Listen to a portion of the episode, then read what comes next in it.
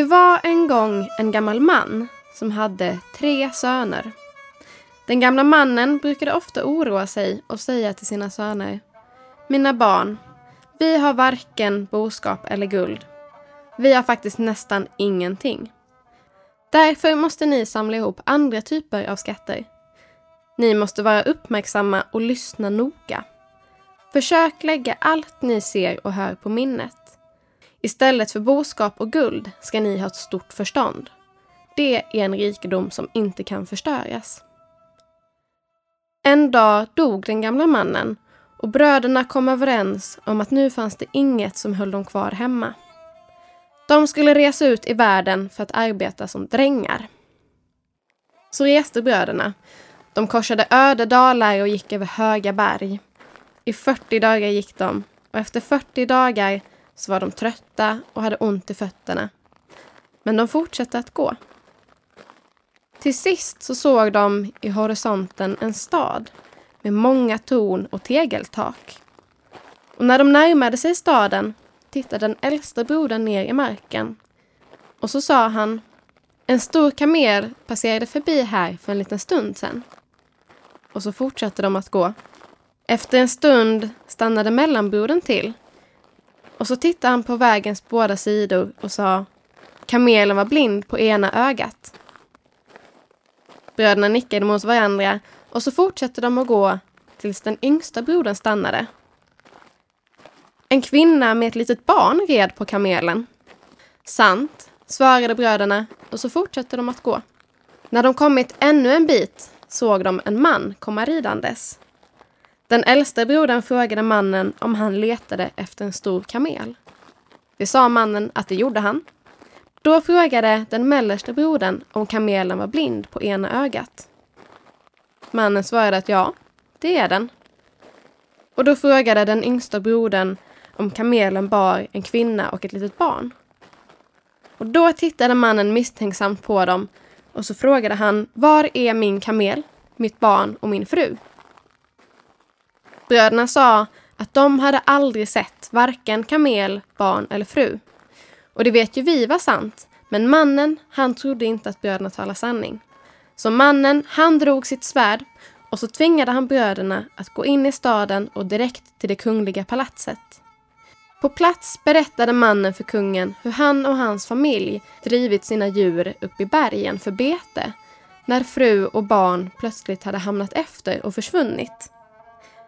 När mannen som bäst höll på att leta efter dem så mötte han de här tre bröderna som på pricken kunde beskriva hur kamelen såg ut men som sa att de aldrig hade sett den. Mannen sa till kungen att han trodde att bröderna hade dödat fru och barn för att ta kamelen. Och bröderna, de protesterade såklart när mannen anklagade dem. Den äldsta brodern sa Sen vi var små har vår pappa lärt oss att alltid lägga märke till allt. Därför kunde vi beskriva kamelen. Kungen svarade att om detta är sant, då borde det inte vara något problem för bröderna att lösa ett till problem. Om bröderna kunde svaret på en gåta så skulle kungen veta att de var oskyldiga. Så kungen kallade in två vakter från trädgården och mycket försiktigt satte de ner en stor kista framför kungens fötter.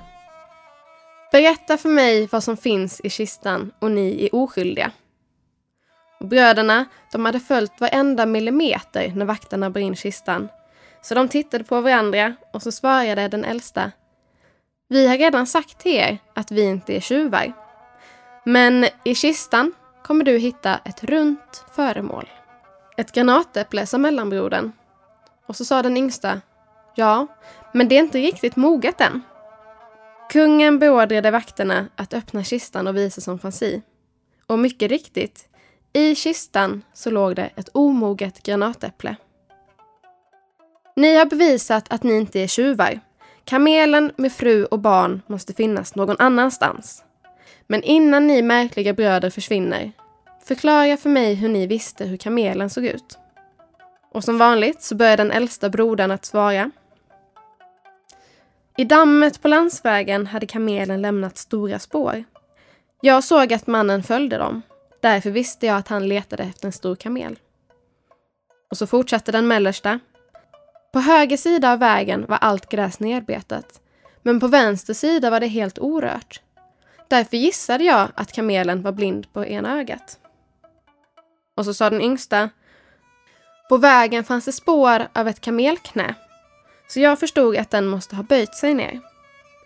Längre bort så såg jag fotspår som såg ut att tillhöra en kvinnlig sko och bredvid den mindre, som av ett barn.